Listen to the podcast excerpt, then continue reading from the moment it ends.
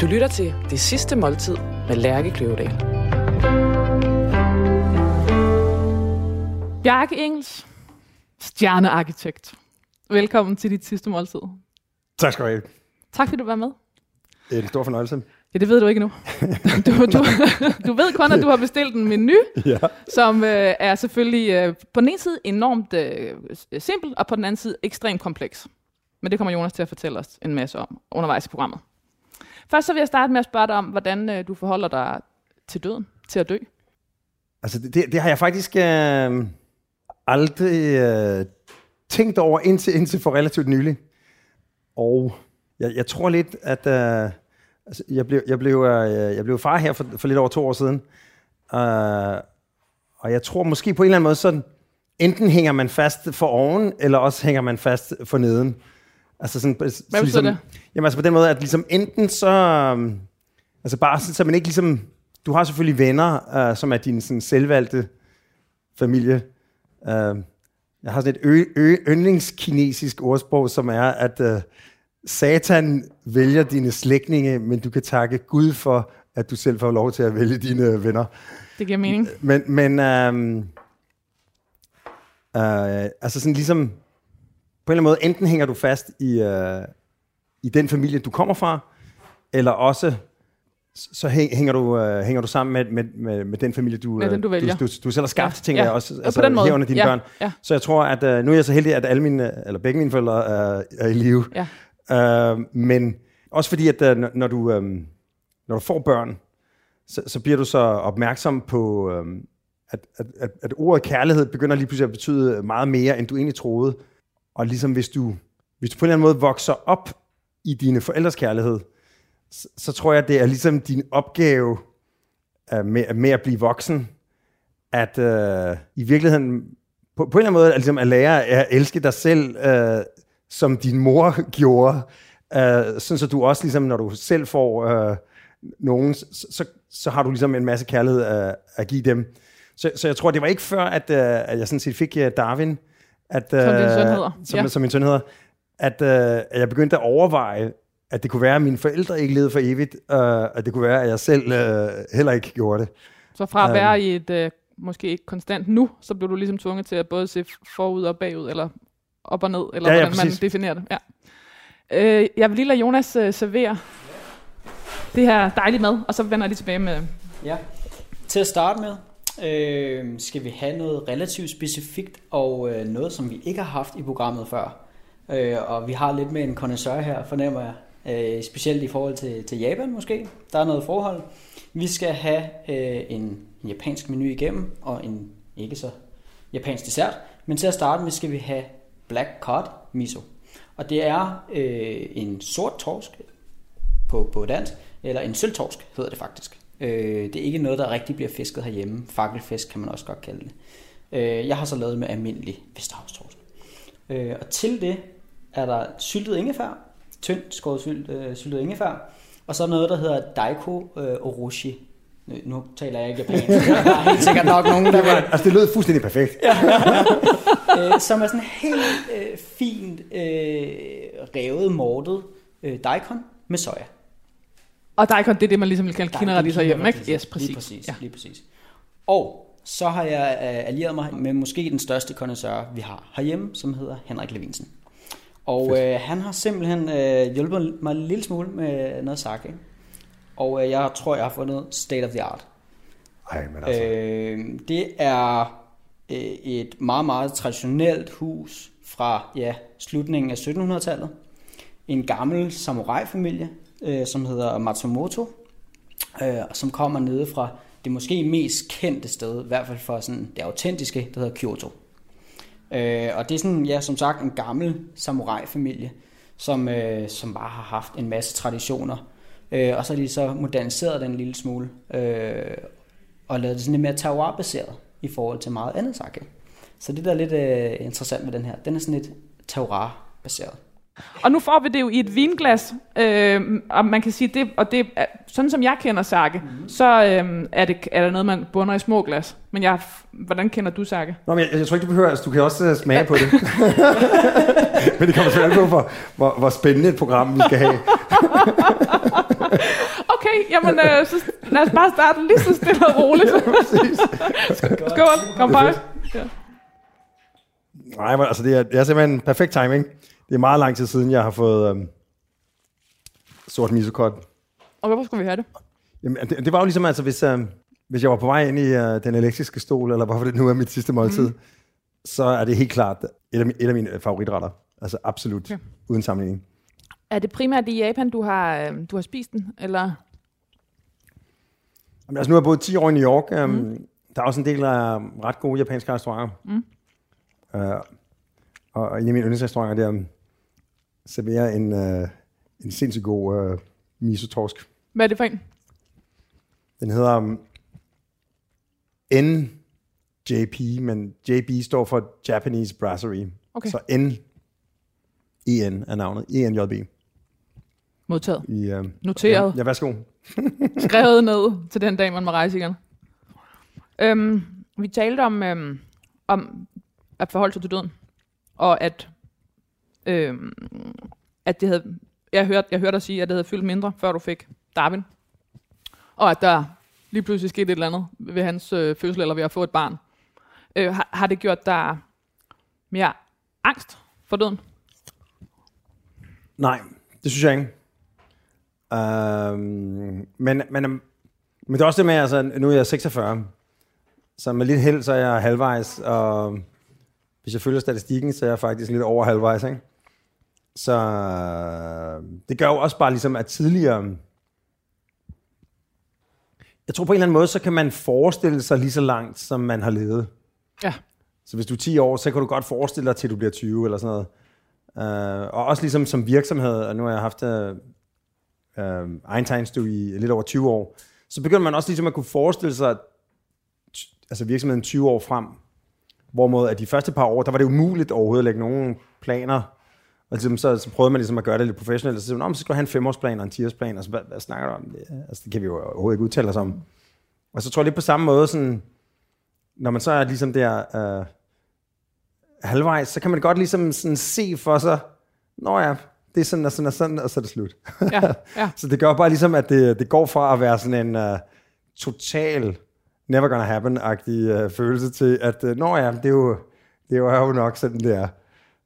S- selvom jeg vil faktisk sige, at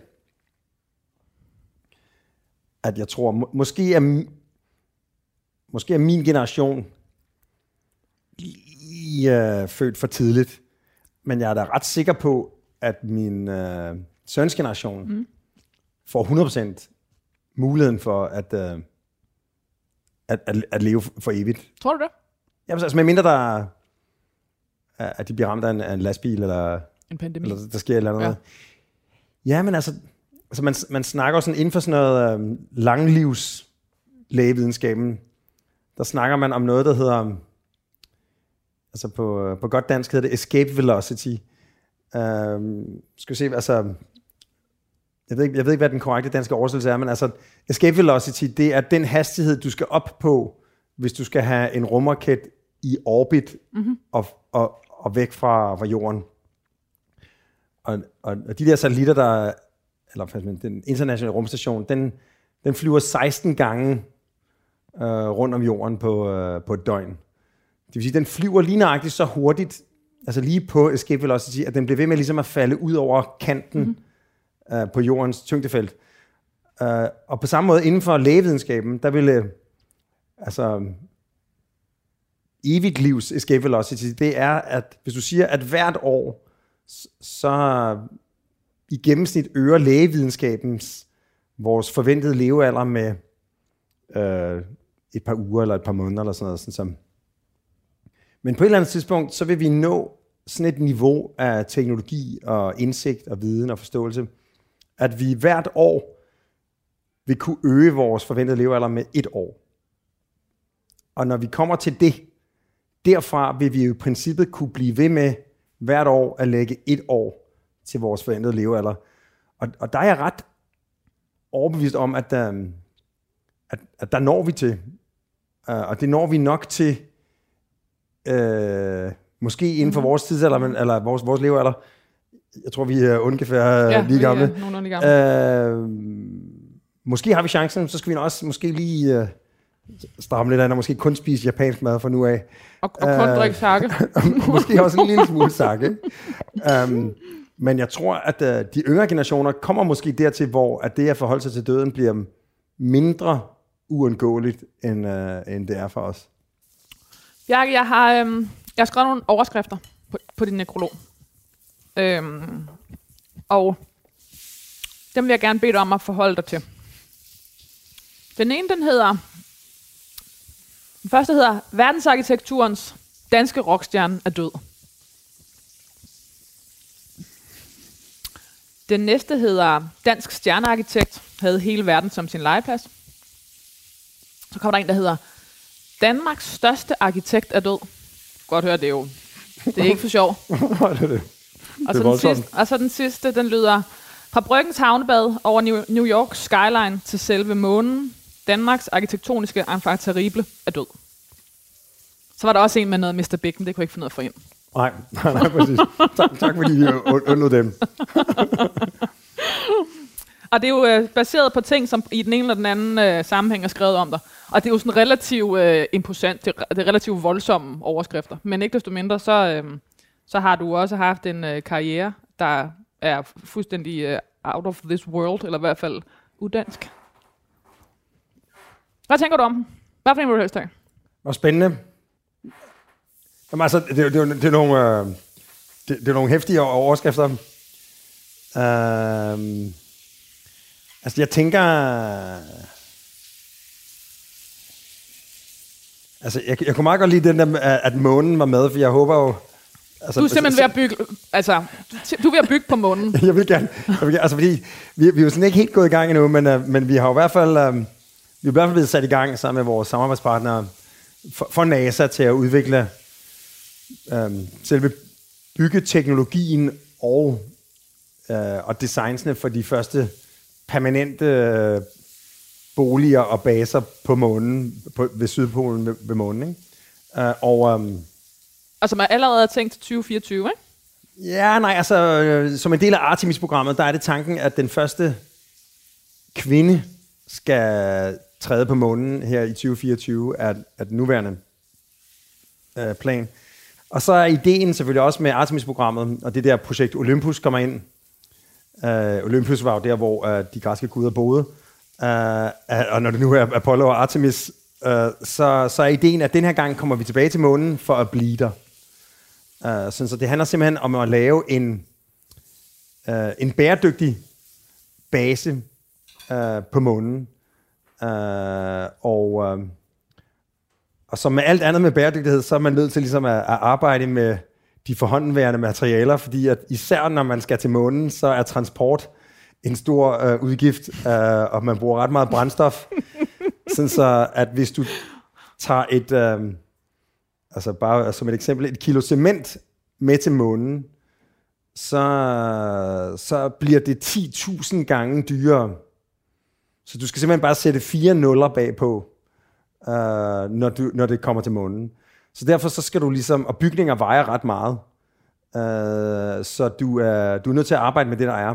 Og der har vi jo altså, for næsten 10 år siden fandt vi ud af, at der var vand på månen, øh, eller is, Øh, og det er der tæt ved polerne øh, i, i, i overfladen. Og så, så derfor kan vi få vand, så vi kan lave brændstof og ilt og, og, og selvfølgelig vand øh, med, så vi kan dyrke landbrug. Og så, så er der regolit, som er månestøv. Og det er der, det er det hele månen består af. Så, så, så vores opgave er sådan set at, at bruge det her månestøv ved at varme det op ved hjælp af solenergi.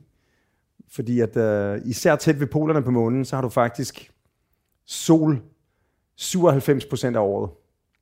Så du har rigelige mængder solenergi, og du har heller ikke nogen atmosfære, så det er aldrig skyde.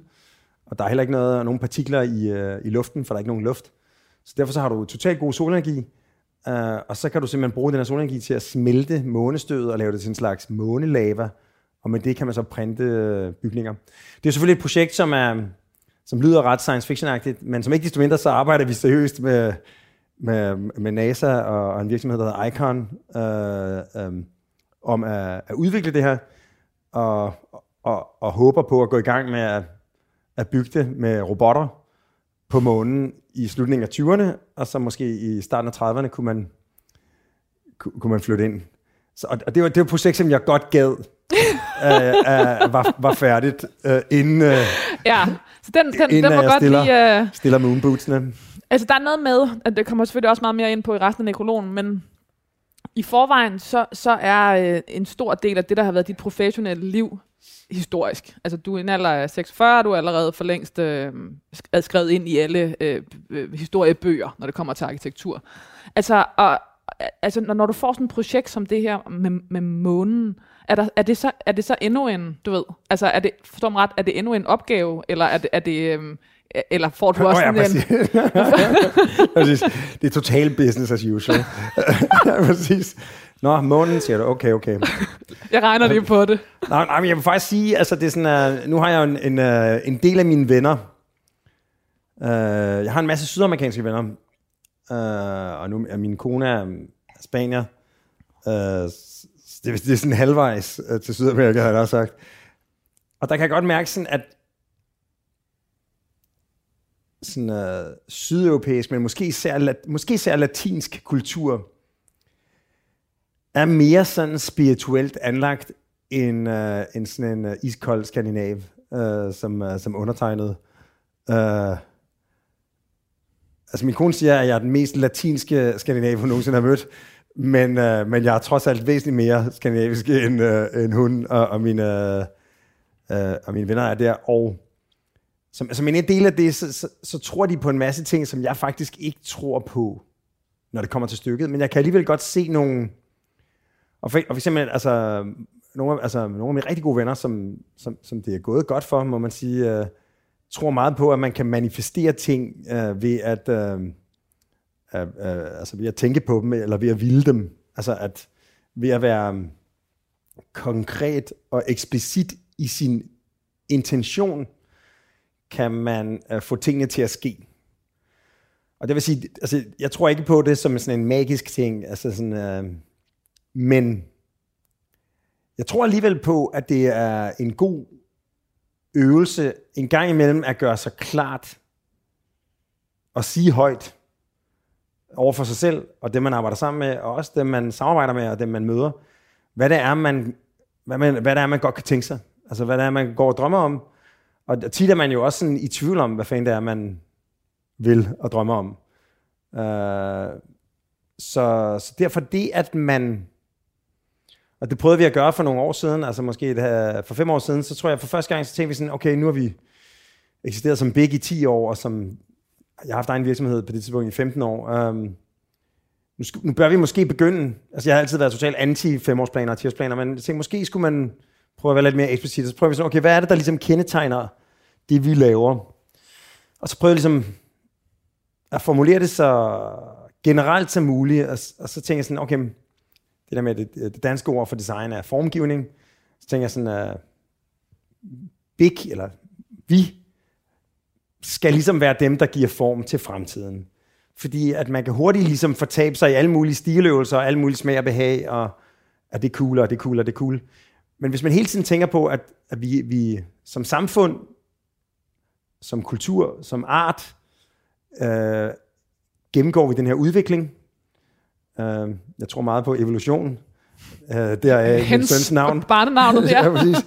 Men, øh, og som tingene udvikler sig, så er der hele tiden, så er det liv, vi lever, den måde, vi lever det på, og de ting, vi gør, er, er foran de bygninger, vi har bygget, og de, det samfund, vi har skabt, og de rammer, vi har lagt. Så derfor er vi nødt til som arkitekter hele tiden at holde øje med, hvor er vi på vej hen, og hvordan kan vi ligesom sørge for at fjerne de barriere, der måske er skabt uheldigvis, og sørge for, at vi ligesom kan understøtte og ud, udvide og ligesom, og, og, og sådan tillade den her ekspansion og støtte den her ekspansion eller, eller udvikling. Og det gjorde så, altså nu laver vi en rumhavn i øh, Andøya i, i, i Nord-Norge. Vi arbejder sammen med, øh, med, med NASA øh, øh, og også nogle projekter sammen med, øh, med SpaceX. Øh, vi arbejder med øh, det her øh, Mars Science øh, Center, øh, som ganske vigtigt er, på jorden, men som handler om, hvordan vi kunne leve, leve på månen. Og, og, og en række andre projekter, som, som lige pludselig har vi fra at, at det var ren intention, men en klart defineret og sådan eksplicit intention, har det fået mere og mere konkret virkelighed. Men altså, men altså jeg, jeg, jeg har haft en del samtaler med min, øh, øh, med min kone, Rut, som hun hedder. Jeg, jeg vil med, man altid tænker over det, hvorfor har forældre altid så kikset navn, ikke? Uh, og så blev altså, det til Bjarke og Ruth. Forældre, men ja, præcis ikke. Altså Knud, Knud og Elisabeth er jo nærmest uh, fuldstændig clean og cool i forhold til Bjarke og Ruth. Altså Bjarke og Ruth, det er jo helt sindssygt. Men, uh, uh, men, uh, men sådan gik det. Det bliver Darwin spurgt om. Hvad hedder dine forældre? Bjarke og Ruth. Jeg tænker, det kan jeg ikke sige. uh, men um, uh, at vi snakkede lidt om det der med, uh, hvordan man er en god forælder. Og nu er er Darwin jo begyndt at få mere sprog. Nu skal jeg sige, at mig og Ruth taler mest engelsk sammen. Hun taler kun spansk med ham, jeg taler kun dansk med ham. Så, så han overhovedet har et sprog endnu er, er enestående. Ja, og, og desværre fordi, at, uh, uh, uh, vi har været en del i, uh, i, uh, i Sydamerika med ham også, så, så fører spansk lige nu. Uh, dansk fører det på et tidspunkt, men nu er, nu er det klart spansk, der fører. Uh, det skal vi nok få lavet om på. Men en af de ting, som jeg tror er vigtigt ved øh, opdragelse, det er, at man giver sig god tid til at gå i dybden med hvorfor.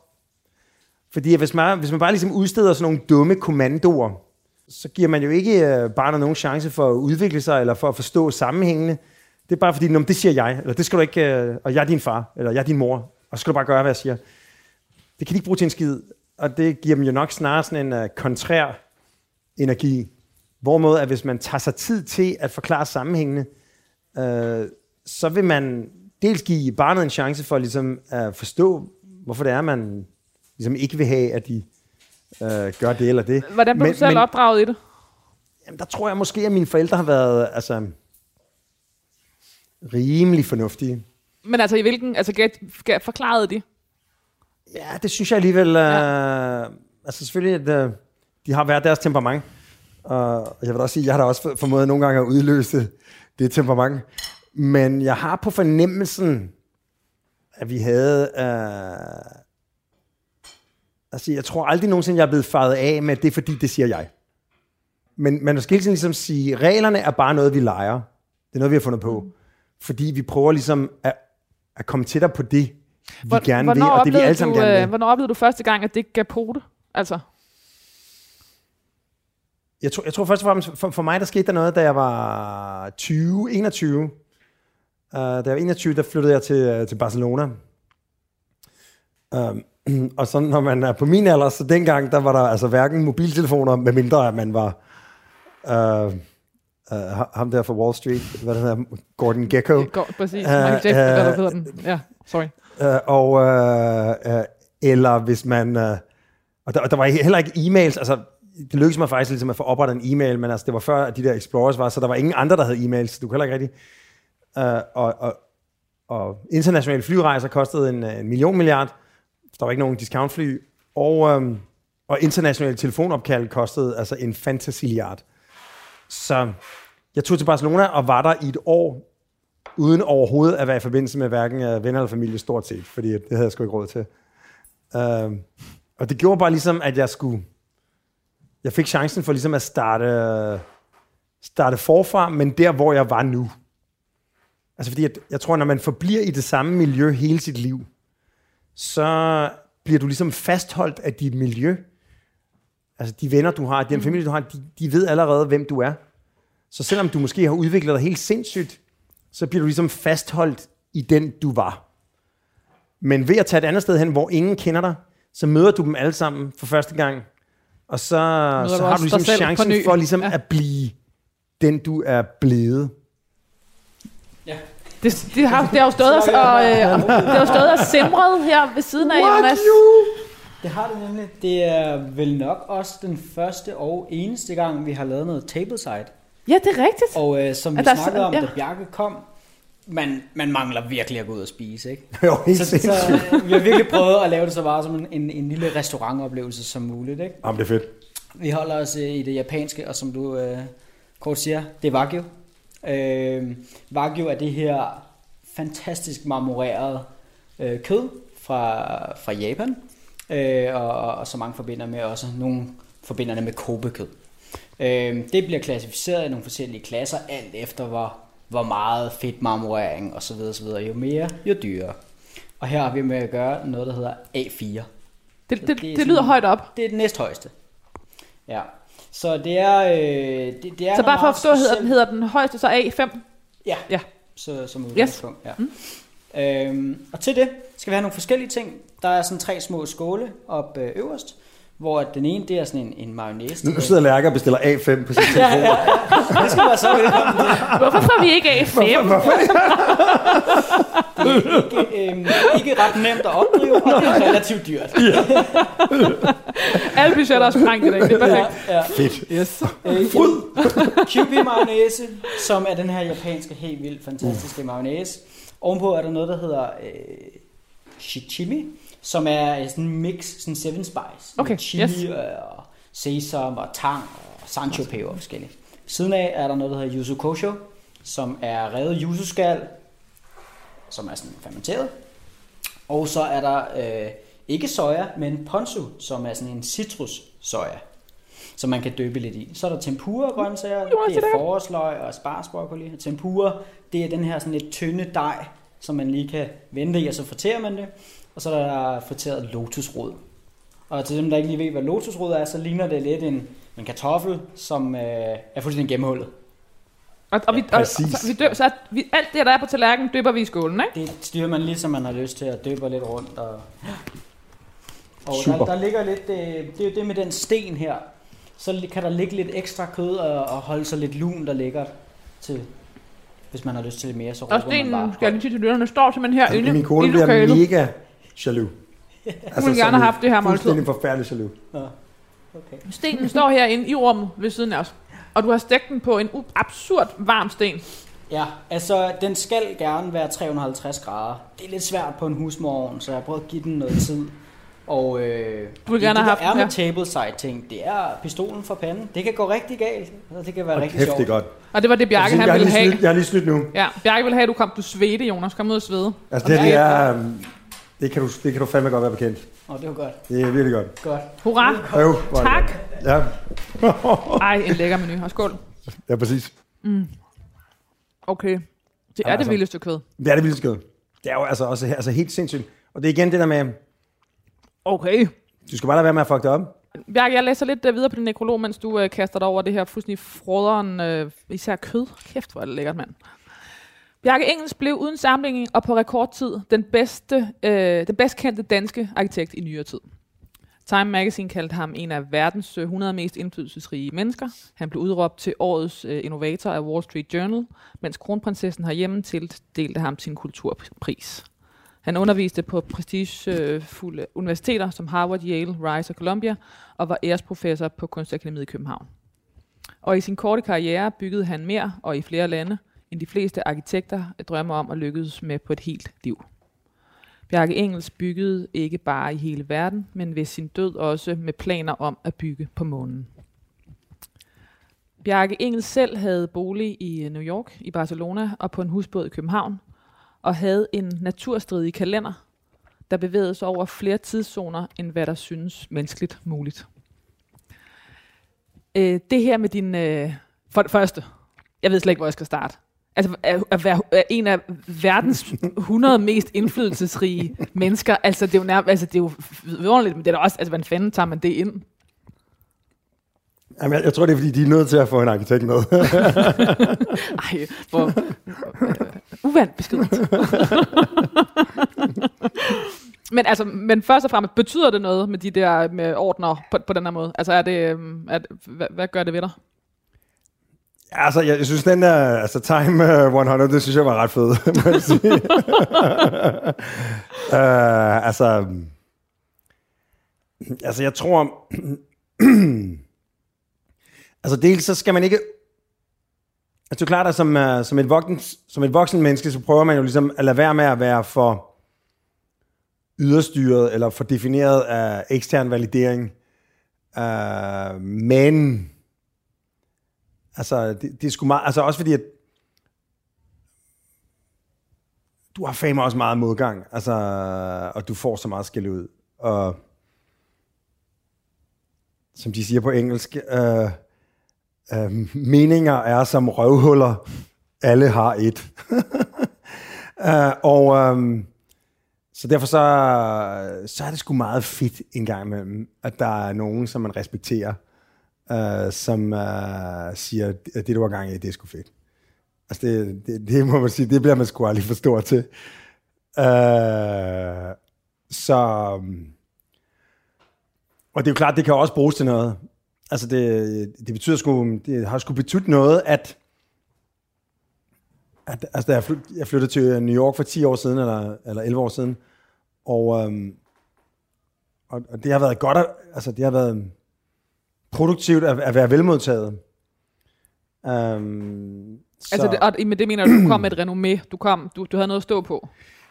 Ja, men også ligesom, at um, Wall Street Journal hurtigt ligesom, altså, um, i 2011, der havde jeg ligesom boet i New York i et år, da Wall Street Journal uh, kårede uh, uh, Meyer Big til uh, Innovator of the Year inden for design og arkitektur, det år, der kårede de uh, Elon Musk som Innovator of the Year inden for business.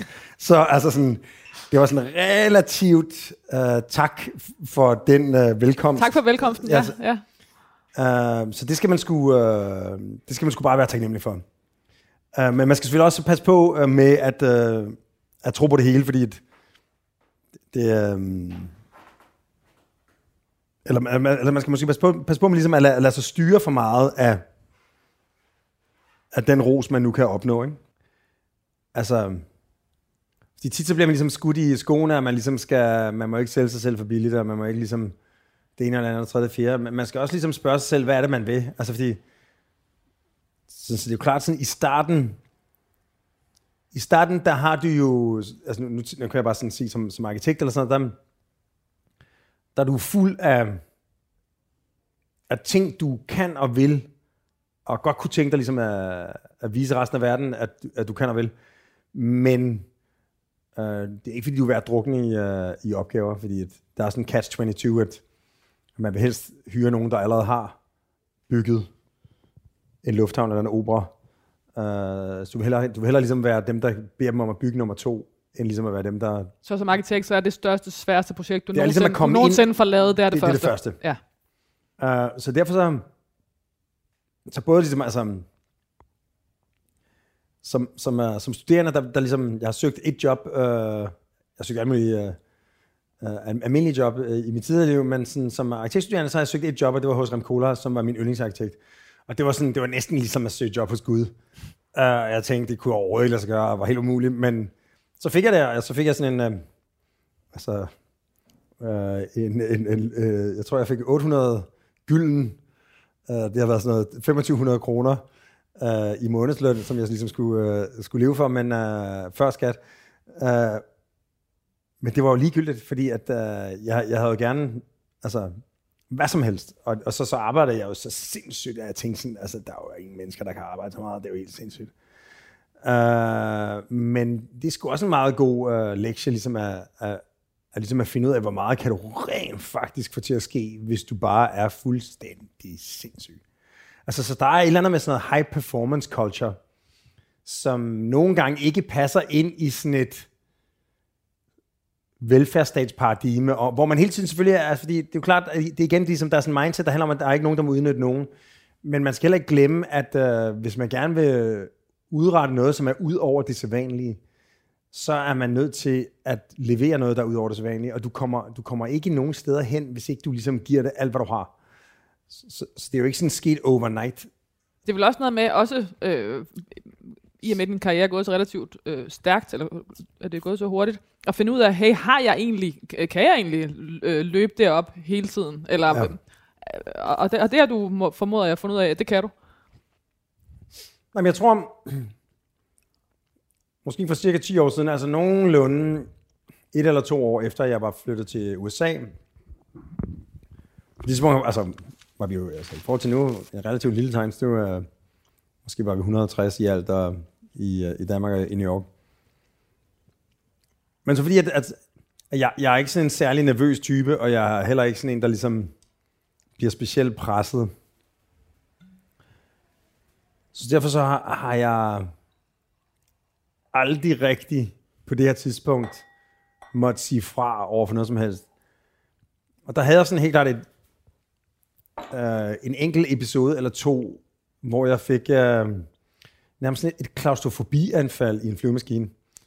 Øh, hvor jeg ligesom lige pludselig tænkte, uh, jeg kan ikke holde ud at være. Jeg vil også sige, altså hvis jeg har en lille tendens til noget som helst, så er det, jeg har en lille tendens til klaustrofobi. Det har jeg altid haft. Altså, der er det perfekt, at man arbejder i et medie, som handler om at lave plads. Ikke? Og som hedder Big. ja, fanden. altså, det forklarer jo alt. præcis.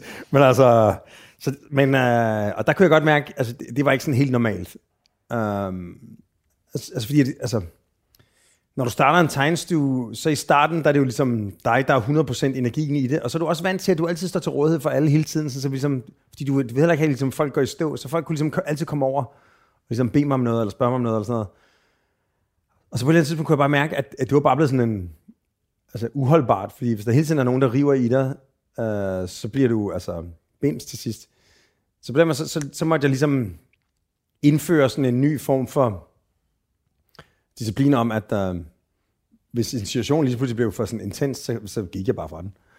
Øh, altså, så, så på den måde har jeg ligesom, altså, en gang imellem, at er det bare blevet tydeligt, at hvis ikke du laver om på mekanikken, eller på den sociale interaktion og sådan noget. Det er også derfor, jeg tror, at tit har man sådan en idé om, at, uh, at uh, succesfulde mennesker er arrogante, eller, eller, eller Det er fordi, det er jo klart, at uh, jo flere folk, der river i dig, jo mere bliver du nødt til ligesom at, at sige fra.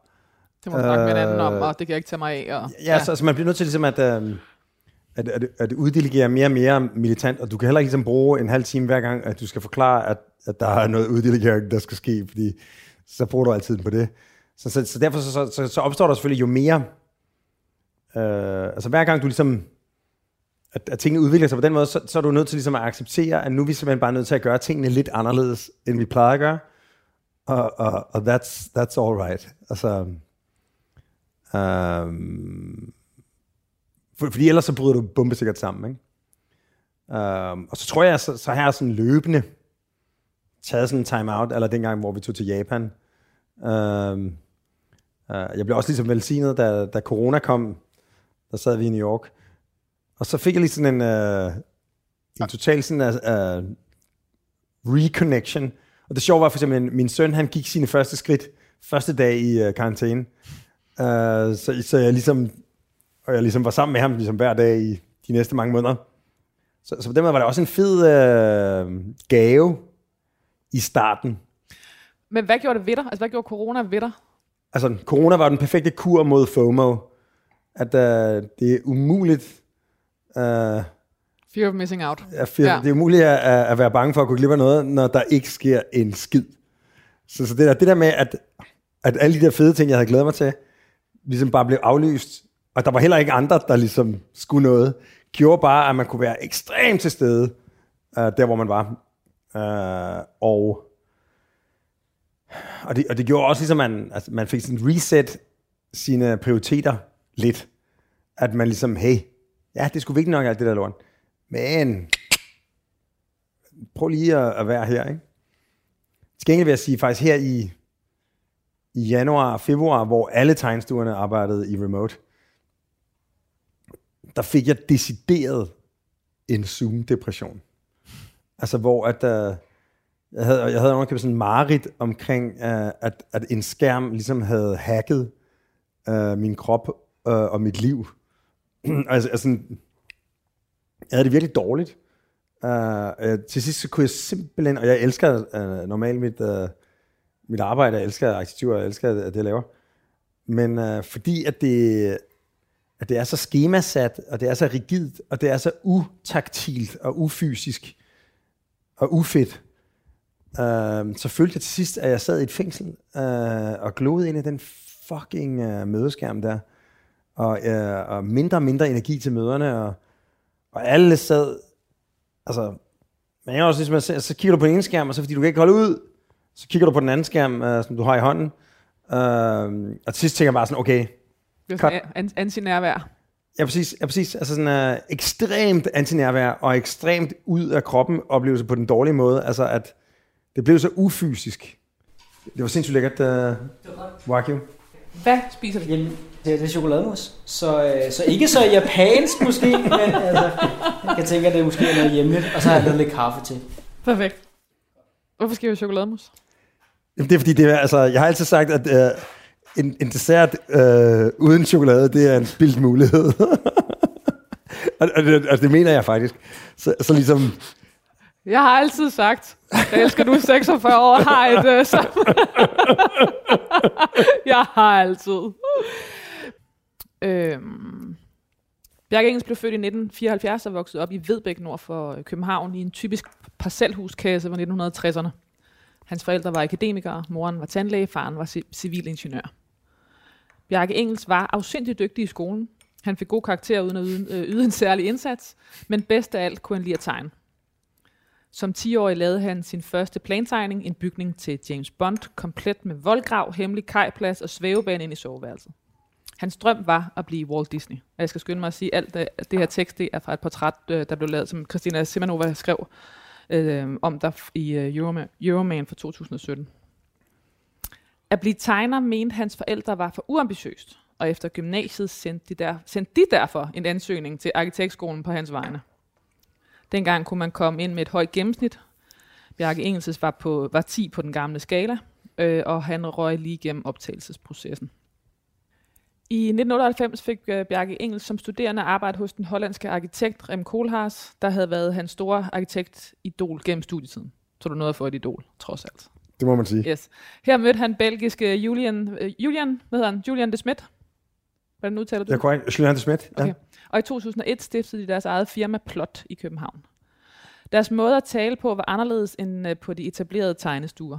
De var provokerende, de var fascinerende og uformelle.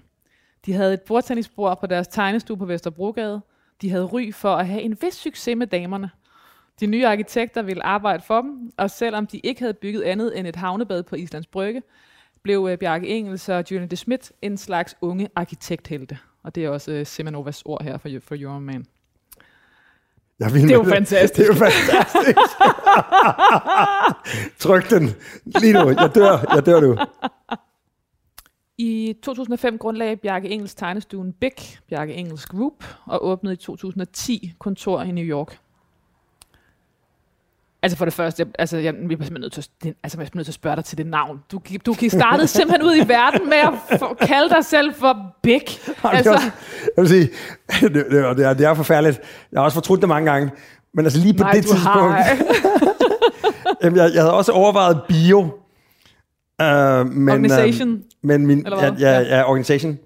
Uh, men uh, uh, min, min kæreste synes, det lyder som biogas. Uh, men, uh, men Big, der, der, altså, forklaringen var faktisk, mig og min, uh, min makker der, Jonas Schmidt, havde jo plot.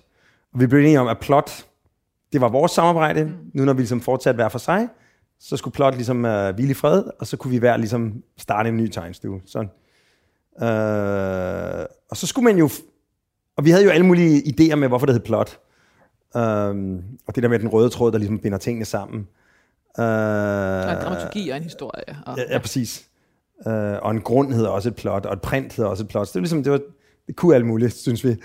Øh, skulle vi ligesom komme med noget nyt, og vi kunne ikke, altså, man kunne ligesom komme med en ny ord, der betyder noget sådan noget. Før var vi plot, nu er vi Laban. Altså, det var sådan, øh, altså, så, så, skulle man ligesom have, så tænkte okay. Uh, men jeg kunne også godt tænke mig, at man kunne referere til tegnstuen, uden at man nødvendigvis skulle, skulle fremkalde mit navn hver gang. Så derfor skulle det være et akronym, der havde et ord. Og så tænkte jeg, altså et band eller en gruppe. så, så, så det der Bjarke Engels Group, men så kunne du sige Big. Uh, og så var vi jo altså en dansk tegnestue på det tidspunkt, jeg havde ikke regnet med, at vi skulle have kontor i New York på det tidspunkt. Uh, så, uh, så Big, de virkede bare sådan lidt, uh, yeah. Hvad altså, sådan, Bjar- Bjarke Engels band. Bip. Ja, bip. Præcis. Og så kunne jeg også godt meget lide det der med, at sådan nogle meget store øh, virksomheder, altså sådan noget uh, Maersk Group og sådan noget. Altså, der er også nogle, altså, sådan nogle konsortier. Det havde noget for altså sig. dem, der sådan virkelig Ja. bestemmer på planeten Jorden. Ja.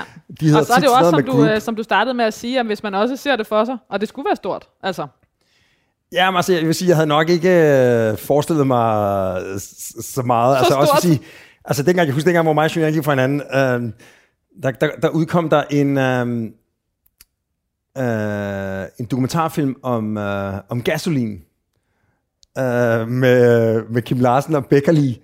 Øh, og, så, sådan og, man, og man var bare sådan ligesom, og sådan lidt ligesom med Lennon McCartney. Altså, jeg tror mig og Julian var begge to, øh, nu er det heldigvis gået os begge to øh, øh, glimrende sidenhen, men, men man var sådan lidt bekymret for, om det kun var i kraft af hinanden. i kraft af hinanden, at vi kunne noget. Og så sekundært var man selvfølgelig forkøret, forkøret for, at man selv var Ringo Starr, og det, og det var den anden, der var. Men øh, så, så derfor så tror jeg ikke, at jeg var specielt kæphøj, øh, hvis jeg skal være helt ærlig lige der. Der tror jeg sådan set, at jeg var sådan rimelig frygtsom for, øh, for hvad fremtiden skulle bringe. Men det havde alligevel ikke forhindret mig i øh, at vælge øh, øh, øh, ordet big. I åbnede i øh, New York, som selvfølgelig også har været en af de fortællinger, som har gjort øh, din historie endnu større. Altså det er jo, det er jo derfra, alting ligesom øh, starter, i hvert fald hvis man snakker øh, verdensarkitektur og, og øh, 100 Best. Der var, øh, hvorfor, hvorfor ville du til New York i første omgang? Hvad, hvad, hvad kunne New York? Hvad ville du? Nå, men altså, um, der var altid tusind forklaringer. Men altså, jeg havde undervist lidt på nogle forskellige universiteter i... Uh, uh, jeg havde undervist på Rice i, uh, i Houston. Jeg havde undervist på, um, uh, på Harvard uh, i Boston. Og så i, i 2009 underviste jeg på Columbia. Uh, Som ligger i New York. som, som ligger i New York. Og, øhm, og det var sådan noget, hvor jeg, altså, og det var selvfølgelig, fordi jeg var interesseret i USA, øh, altså i New York, og jeg var interesseret i ligesom på en eller anden måde, at øh, den akademiske verden der, og ligesom at, måske ligesom at få skabt en eller anden form for foothold. Der er ingen tvivl om, at altså, ligesom, Manhattan er skyskrabernes krybbe, øh, og det kunne, altså, det kunne være fedt øh, at bygge noget der, bygge en skyskraber måske også. og Sådan. Um, Det kunne være fedt at bygge en skyskraber. ja, præcis. Så, så, øhm, så var det også sådan, at øhm, på det tidspunkt, der havde jeg haft tegnstuen i, øh, altså plot og big, i næsten 10 år. Og jeg havde også ligesom øh, sat mig for ligesom at udnævne nogle partnere. Jeg, jeg udnævnte seks partnere, tror jeg, på det tidspunkt. Nu er vi næsten 20. Uh, men det var første gang, jeg ligesom prikkede nogle af mine øh, gamle venner og kolleger på skulderen og ligesom sagde, uh, skal I ikke være, uh, skal I ikke have noget ejerskab af det her? Ikke? Positivt prikket. Ja, ja præcis. Ja, ja, præcis. Og så, og så øh, klappede dem måske på skulderen og, og, og foreslog, at de skulle være medejere. Og så tænkte jeg også sådan, øh, hvis vi bare fortsætter, som vi plejer, så, så, så ændrer det sig måske ikke. Og så tænkte jeg også, øh, jeg havde også en, øh, en kæreste slash ekskæreste, som var flyttet til New York, som jeg måske havde planer om, at jeg skulle... Øh, Du fulgte simpelthen efter jeg, hende. jeg skulle have tilbage igen. Ja, præcis. Uh, det, det, det, det, det blev aldrig realiseret, uh, men det var da et forsøg værd. Det var alligevel noget Men- men at starte en, en verdensomspændende virksomhed op i New York for, for at få hende. Jamen, der er altid en... Uh, der er altid en... Uh, Det forklarer, hvorfor du åbnede Barcelona nogle år senere. ja, præcis. præcis. Det er... Uh, Ja, det, er det, altså- det, er, den- det er den bedste motivation, uh, du kan finde. Men, uh, men, der, men der var i hvert fald heller ikke noget på sådan, uh, uh, på sådan uh, den romantiske front, der ligesom holdt mig i, uh, i København. Um, så ligesom kombinationen af alle de ting. Og så tror jeg også bare ligesom, at uh, nu havde jeg haft egen, tus, egen tegnestue i, i, uh, i, i sammenlagt 10 år. Altså på den måde, så tror jeg også, man mærke, måske var det spændende, hvis der kom et, øh, et nyt eventyr. Øh, og så gammel var jeg jo heller ikke. Øh, jeg, jeg har været 35 på det tidspunkt, så øh, måske var det bare sådan et, et fedt tidspunkt øh, at, at gøre noget nyt. Øh, jeg Og så, og så New York. New York. Altså, den, det kan behøver du slet ikke diskutere. Men det er jo også, fordi du, man bliver jo også slået ihjel i New York. Altså, du, hvis du ikke, hvis du ikke øh, klarer det, så, så, så, går du, så går man ret meget til, eller til grund, altså stort sagt, men så klarer du den bare ikke. Altså, det, der, der er sådan et andet, øh, eller, op, eller oplever du også det? Jamen, altså, det- man kan jo altså, der er jo selvfølgelig øh, en, en, en anden konkurrence. Altså, det er jo en, øh, den mere... altså virkelig verden derovre. Øh, jeg, jeg tror også, at jeg var eksploderet, hvis jeg var blevet her hjemme i, øh, i DK. Altså, fordi der, der er måske også, altså, der tror jeg, det har været en fordel for, for mig ligesom at komme lidt væk, og så kan man ligesom vende tilbage øh, øh, på en anden måde. Altså faktisk den der idé om, lidt ligesom vi snakker med Barcelona, altså at, at, at du tager væk, og, og det hvor du tager hen, der er du ikke ligesom fastholdt af dine omgivelser på samme måde, som du er der, hvor du kommer fra. Der kan folk ligesom møde dig som den, du er nu, øh, og, og genkende dig, eller anerkende dig som den, du er nu. Og når du så tager tilbage igen, så har du alligevel været væk så længe, at folk ligesom kan tage imod dig som den, du nu er blevet til. Det er noget med, øh, med nuerne igen, altså. Og det ja. der med at skabe de nye nuer. Man, ja, der er nok et eller andet der. Jeg fordi, at, øh, til stede i. For jeg, jeg oplevede det, og jeg tror faktisk, det var det, der, der, da Miso, Torsten, øh, ankom, der havde lige landet den der pointe med, at da jeg tog til, da jeg tog til Barcelona, der, der mødte folk mig som der, hvor jeg var nu. Um, og jeg lagde især mærke til det, fordi lige inden vi tog afsted, så havde vi haft, uh, jeg boede på Egmont kollegiet inden der, der havde vi holdt sådan en tour de chambre, uh, og mig og min kæreste på det tidspunkt, vi havde uh, været, uh, det var sådan en filmtema, og jeg elskede Trainspotting.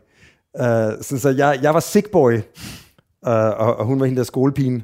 Så, så jeg havde farvet mit hår hvidt, uh, og det kan du altså kun gøre, hvis du er mørkhåret, så kan du kun gøre det ved at, uh, at, uh, at blege det, og så kommer det altså ikke igen. Så, så jeg havde sådan en helt kridhvid uh, sådan crew cut uh, frisyr, da jeg ligesom troppede op i Barcelona. Og det gjorde bare ligesom, at jeg har bare lignet en helt anden, end den jeg egentlig normalt er. Uh, og det gav mig bare sådan en spændende uh, start på det der eventyr som Barcelona, fordi at, uh, at folk så noget helt andet, end, end også sådan, som jeg så mig selv. Men det gjorde så også, at og efter et år med, med det, uh, tog jeg tilbage til, uh, til kunstakademiet, og så blev jeg ligesom mødt som den, jeg nu var blevet til. Uh, så, så det der med, hver gang, at du ligesom skifter uh, habitat, så har du chancen for at Et nyt nu. opjustere. Uh, fordi du udvikler dig hele tiden, men du bliver også ligesom fastholdt af, af dine relationer og dine omgivelser. Så det der med at have chancen for ligesom at opjustere til, til de nye uh, capabilities eller capacity, uh, er, er nok en, en væsentlig ting, og det, og det oplevede jeg for alvor. Altså, fordi, jeg vil sige, hvis jeg skulle have lavet, altså, jeg tog også til New York, sådan, altså, jeg tog derover med et visa fra, fra Harvard igen, uh, og ja, lad os nu se, altså, vi, vi havde fået muligheden for uh, at, at lave et projekt, som måske blev til noget, måske ikke blev til noget, som var uh, pyramiden der på, uh, på, på, på Væsk, uh, Øh, på vestsiden af Manhattan. Og, og jeg ved ikke, hvis jeg skulle have, hvis jeg skulle have vedet på, om, om vi ville sådan øh, hit it off, eller, eller ej, så, jeg, så ved jeg sgu ikke, hvor meget jeg nødvendigvis troede på dem. jeg tænkte, altså, det bliver da i hvert fald et, et eventyr. Um, men, men der, der, der tror jeg virkelig, at, at endnu en gang tror jeg bare, det viser, at det, det er sgu meget fornuftigt en gang imellem, hvis du føler, at, at, at men man siger jo for eksempel også, at der er ikke nogen sammenhæng mellem alder og kreativitet. Det er ikke sådan, at du bliver mindre kreativ, jo ældre du bliver. Men jo længere du laver det samme, jo mindre kreativ bliver, bliver du.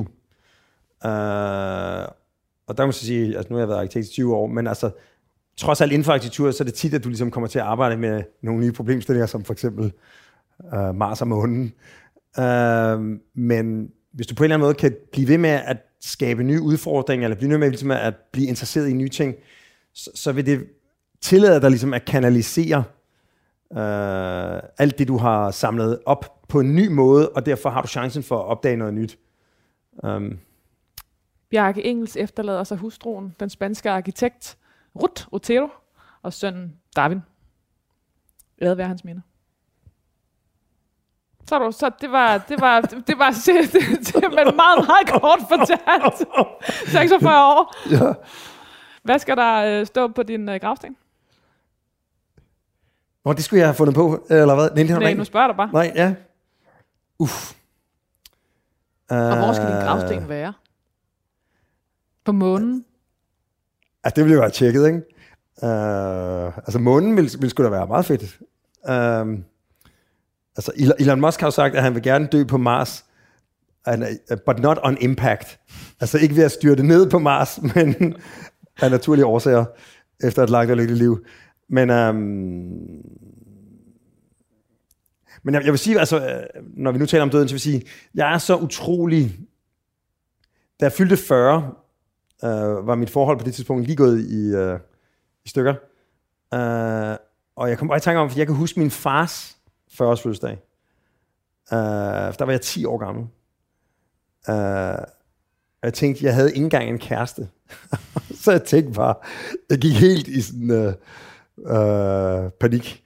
Jeg vil sige, altså jeg er utrolig glad for, altså også fordi, at øh, jeg tror faktisk meget på, på arv og genetik og evolution på den måde.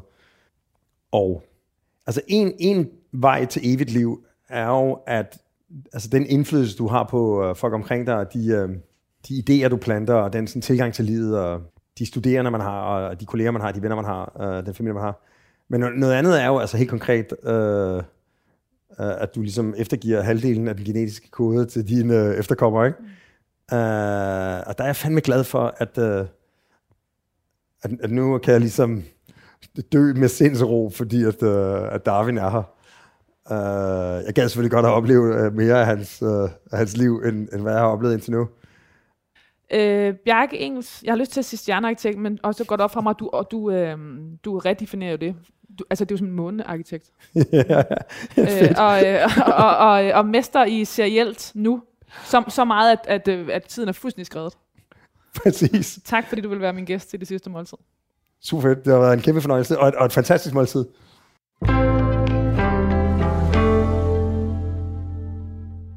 Du har lyttet til det sidste måltid. Producer er Kasper Risgaard, huskok er Jonas Charlie Frank, jeg er din vært, Lærke Kløvedal. Det her det var sæsonens sidste program. Vi holder pause og er tilbage igen senere på året. Tak fordi du lyttede med.